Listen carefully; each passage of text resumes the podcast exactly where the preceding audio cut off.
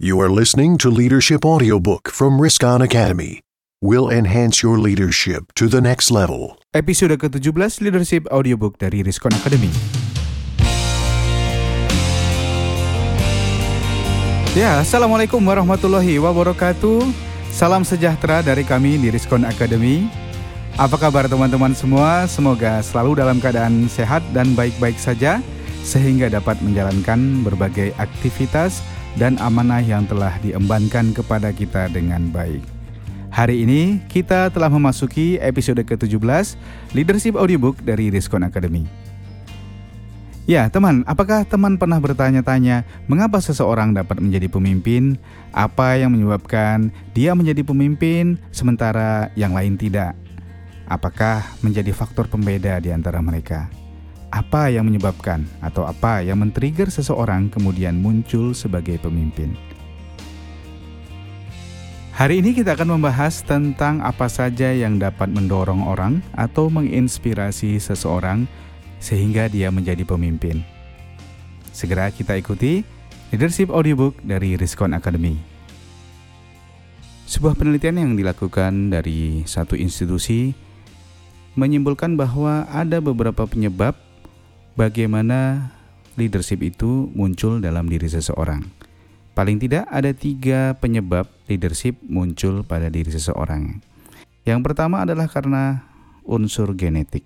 Maksudnya apa? Maksudnya adalah ini faktor bawaan atau faktor dari keturunan. Apabila seseorang memiliki orang tua yang merupakan pemimpin, maka dapat diharapkan anak-anaknya juga akan terlahir sebagai pemimpin. Faktor yang kedua adalah faktor dari pelatihan dan pendidikan, yaitu suatu proses yang dilalui oleh seorang yang kemudian mempengaruhinya, memberikannya skills, attitude, dan kecakapan-kecakapan yang akhirnya mendorong dia menjadi seorang pemimpin. Ya, pelatihan ini bisa terjadi di kelas, bisa terjadi di lapangan, atau lewat media-media lain. Faktor yang ketiga adalah dari pemimpin lainnya, yaitu di sini seseorang terinspirasi dari pemimpin lain yang kemudian mendorongnya menjadi seorang pemimpin juga. Nah, tiga hal inilah yang terutama yang sering menjadi penyebab seseorang tumbuh menjadi pemimpin. Pertanyaan berikutnya adalah, lalu dari ketiga hal itu, yang mana yang paling efektif untuk membangun kepemimpinan seseorang? Ya, dari riset tersebut juga dapat kita ketahui bahwa masing-masing penyebab kepemimpinan tadi memiliki efektivitas yang berbeda-beda. Misalnya, dari faktor genetik ternyata sangat rendah, yaitu hanya memungkinkan ya atau memiliki kemungkinan 5% untuk mendorong orang menjadi pemimpin. Bagaimana dengan pendidikan? Ternyata pendidikan mampu mendorong seseorang menjadi pemimpin dalam uh, tingkat 10%. Dan tentu saja yang terakhir yang paling besar adalah inspirasi dari pemimpin yang lain yang ternyata memberikan pengaruh yang sangat besar bagi kepemimpinan seseorang, yaitu 85%. Itulah mengapa kita dapat melihat bahwa seorang pemimpin yang hebat akan menghasilkan banyak pemimpin-pemimpin berikutnya di dalam organisasinya. Kita dapat melihat para CEO hebat atau para pemimpin eh, pergerakan yang hebat, kemudian melahirkan suatu organisasi yang dari organisasi itu akan muncul pemimpin-pemimpin baru yang juga hebat-hebat. Nah, apa makna dari penelitian ini? Yang pertama adalah untuk diri kita sendiri sebagai seorang pemimpin atau ingin menjadi seorang pemimpin, maka langkah yang paling tepat untuk dilakukan adalah mencari seorang role model yang kemudian darinya kita mencari inspirasi yang kita terapkan dalam proses membangun kepemimpinan kita. Tentu saja belajar mencari ilmu, mencari berbagai sumber pengetahuan tentang kepemimpinan tidak salah, namun kita harus sadari bahwa sumber-sumber tersebut akan terbatas memberikan inspirasi bagi kepemimpinan kita. Nah, makna kedua adalah bagaimana kita menggunakan hasil riset ini dalam proses kepemimpinan kita sendiri atau membangkitkan kepemimpinan dari staf-staf kita.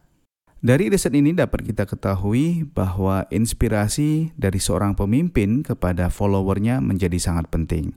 Karena itu, jadilah seorang pemimpin yang memberi inspirasi kepada para follower kita. Apakah itu dari sisi wawasan, dari sisi hubungan dengan berbagai pihak, dari sisi kebijaksanaan, dari sisi ketelitian, dari sisi kedisiplinan, dan berbagai uh, sisi dalam proses kepemimpinan itu sendiri. Dengan memberikan inspirasi dan suri toladan tersebut, maka kita dapat membangkitkan kepemimpinan staf kita dengan lebih efektif. Tentu saja akan sangat baik apabila diikuti dengan pemberian materi pelajaran lewat kelas-kelas, lewat training dan lewat berbagai eh, sumber-sumber terkait dengan pengetahuan kepemimpinan follower kita tersebut. Ya, teman, demikian tadi tentang bagaimana kepemimpinan seorang dibangkitkan dan semoga dapat memberikan inspirasi kepada kita semua. Teman sekalian, apabila audiobook ini dirasakan bermanfaat, kami akan sangat berterima kasih apabila teman-teman berkenan memberikan like atau melakukan subscribe pada layanan audiobook ini melalui iTunes bagi para pengguna iPhone atau iPad atau produk-produk Apple lainnya atau menggunakan fasilitas dari SoundCloud atau Stitcher untuk teman-teman yang menggunakan Android atau tipe gadget lainnya. Ya, dengan demikian kita dapat membantu saudara-saudara kita lainnya menemukan audiobook ini dengan lebih mudah dan tentunya dengan demikian kita dapat menyebarkan manfaat yang lebih luas dari layanan audiobook dari Riskon Academy ini. Ya, sampai di sini pertemuan kita pada episode ini. Tetap semangat. Assalamualaikum warahmatullahi wabarakatuh.